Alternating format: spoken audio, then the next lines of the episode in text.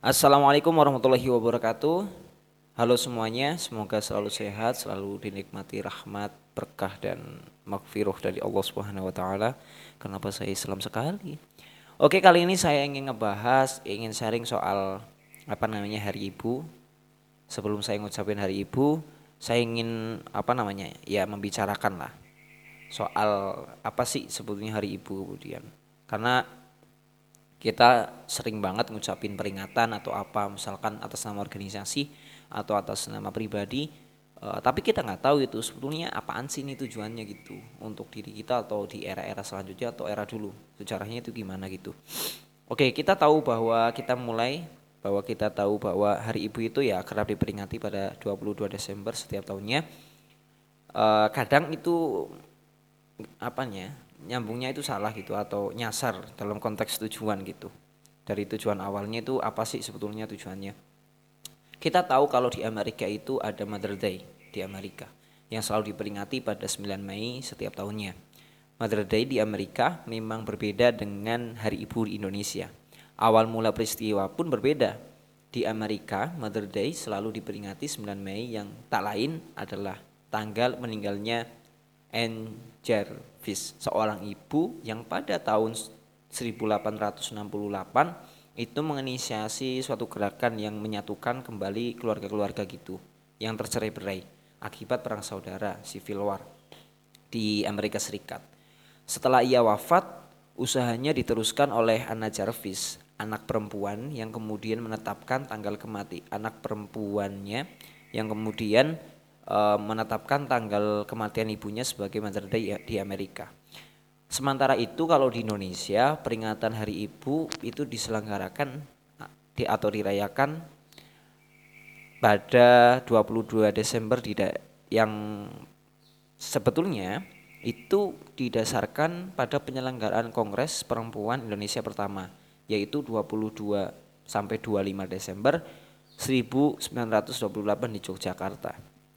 Nah, penetapan tanggal peringatan Hari Ibu itu dilakukan pada Kongres Perempuan Indonesia ketiga pada 23 sampai 28 Juli 1938 di Bandung. Nah, Kongres Perempuan Indonesia pertama dilakukan dalam suasana ya waktu itu masih zaman kolonial, masih mencengkam dalam konteks mencengkram kebebasan orang Indonesia untuk berekspresi dan menyatakan pendapat. Kongres itu pula tak bisa dilepaskan dari semangat kebangsaan yang baru saja dikeluarkan pada Kongres Pemuda kedua pada tanggal 28 Oktober 1928 di Batavia. Faktor pendorong penyelenggaraan Kongres Perempuan Indonesia tak lain adalah kondisi kehidupan perempuan di Indonesia yang masih dikungkung budaya patriarkis yang terdiri ya di atas nilai-nilai feodal. Ya kan? Kalau menurut sejarawan Saskia Eleonora, ada sejumlah organisasi perempuan yang ikut dalam kongres itu ya. Di antaranya wanita utomo Aisyah Putri Indonesia wanita Katolik wanita Muljo dan bagian-bagian perempuan di dalam syarikat Islam. Jong Islamiten Bon dan wanita Taman Siswa. Ada tiga tokoh juga yang jadi inisiator penggerak atau penggagas pertemuan itu yaitu ada Nyai Hajar Dewantara kemudian kalau Nyai Ki Hajar Dewantara itu dari wanita Taman Siswa, terus ada Nyai Sukanto dari wanita Utomo dan Sujatin Kartowijoyo dari Putri Indonesia. Kalau kata Sujatin, salah satu inisiator kongres tersebut, dia itu menuturkan kalau kalau menurutnya perjuangan kemerdekaan dan perbaikan hak serta nasib wanita menjadi titik utama dalam hidupku sebagai orang muda. Di bulan Oktober pada tahun 28, 1928 maksudnya, tepatnya tanggal 28 diadakan Sumpah Pemuda pada saat itu pula lah timbul sebuah hasrat di antara kami kaum wanita muda mengadakan sebuah pertemuan antara wanita se-Indonesia demi persatuan nasional, kata Sujatin kepada Mbak Hana. Ada banyak masalah sebetulnya yang dibicarakan dalam Kongres Perempuan. Di antaranya ya misalkan kayak pendidikan kaum perempuan, nasib anak yatim, janda, perkawinan anak-anak, reformasi undang-undang perkawinan Islam, Kemudian pentingnya meningkatkan harga diri kaum perempuan sampai dengan kejahatan kawin paksa yang masih marak terjadi pada saat itu. Beberapa tokoh pun menyampaikan di kongres itu masing-masing perihal masalah atau problem solving yang kemudian terjadi di perempuan Indonesia bahkan muncul sampai muncul gerakan anti permaduan atau ya bisa dibilang poligami. Kongres Perempuan Indonesia pertama itu pun menghasilkan sejumlah resolusi dan membentuk perserikatan atau perkumpulan perempuan Indonesia.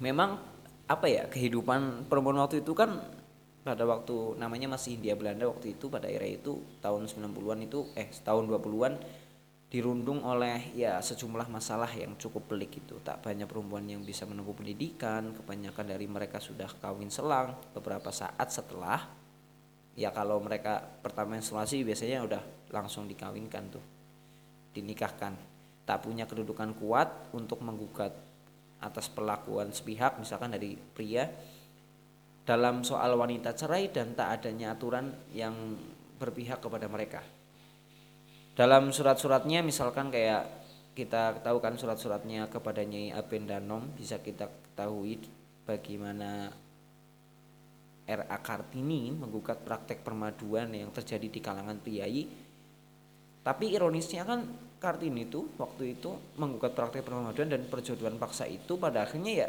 ternyata harus takluk kepada kehendak ayahnya yang menjodohkannya dengan KRM Adipati Aryo Singgih Jojo Adidingrat Bupati Rembang waktu itu yang sudah beristri tiga.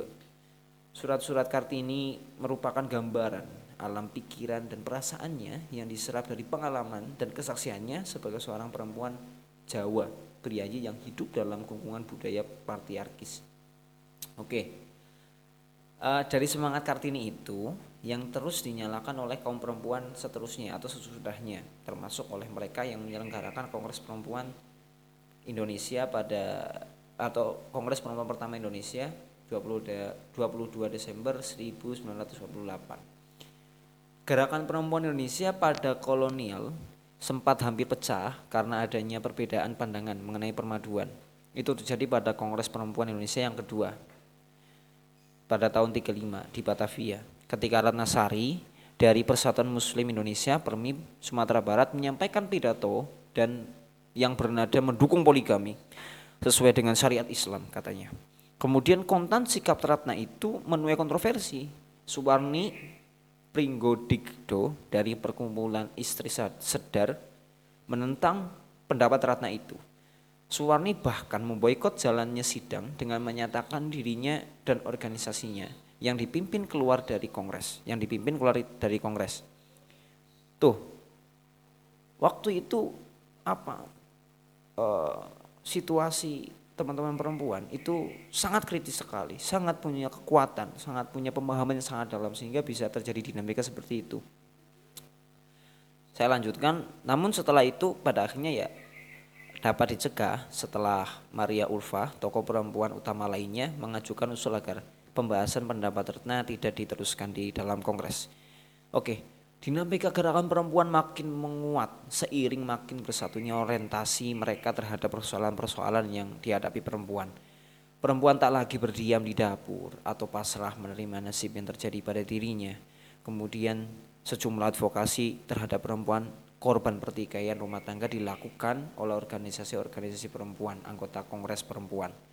Perempuan Indonesia sejak tanggal 22 Desember tahun 28 memasuki ranah perjuangan politik praktis sebuah wilayah yang sebelumnya tabu. Mereka masuki karena nilai-nilai tertentu di dalam masyarakat yang tak memungkinkan mereka bergerak aktif memperjuangkan hak-haknya. Oke kita tahu ya bahwa peringatan Hari Ibu itu ya 22 Desember ini ditetapkan perayaannya oleh oleh Presiden kita lewat secara nasional melalui dekret Presiden Soekarno nomor 316 tahun 1959 tapi banyak yang mengatakan sih bahwa penetapan tersebut merupakan upaya dari Soekarno untuk memperbaiki citranya di hadapan gerakan perempuan. Ya karena dia telah memadu Fatmawati dengan menikahi Hartini. Namun lebih dari itu Hari Ibu di Indonesia merupakan tonggak sejarah perjuangan kaum perempuan pada waktu itu untuk merebut posisi yang lebih adil di dalam masyarakat maka peringatan Hari Ibu ini seharusnya atau yang sering kita lihat penuh dengan haru biru dengan segala puji-puji peran domestik ibu di dalam rumah itu malah sejatinya justru mendistorsi makna dari ibu itu sendiri. Tapi pada intinya kalau misalkan di luar itu ya paling enggak apa yang kita share apa yang kita buat untuk memperingati hari ibu ini tidak sekedar formalitas saja. Maksudnya kita tahu gitu loh sejarahnya gimana seperti yang saya tadi sampaikan begitu sangat dinamik sekali ya. Dinamikanya itu sangat apa namanya terbangun sangat kritis ya kan? Dasar-dasar yang kemudian dipergunakan untuk membuat gerakan itu ada begitu. Tinggal kita yang di era sekarang abad 21 ini gimana sih menerapkan itu kepada kaum perempuan sekarang? Yang mana menurut saya juga masalah kaum perempuan itu masih sangat banyak. Dan kadang juga si perempuan ini tidak mau untuk ikut andil atau bergerak ya kan? Dalam mengusung keadilan-keadilannya begitu. Cenderung apa namanya tidak mau cenderung malu cenderung apa. Kita sudah tidak butuh itu. Kita butuh teman-teman yang pemberani yang punya gagasan sampaikan. Yang punya gagasan sampaikan. Kita buat sirkulasi yang besar. Kita buat peran yang sangat besar untuk kehidupan kita masing-masing lah paling enggak mungkin itu yang bisa saya sampaikan. Silahkan komen-komen.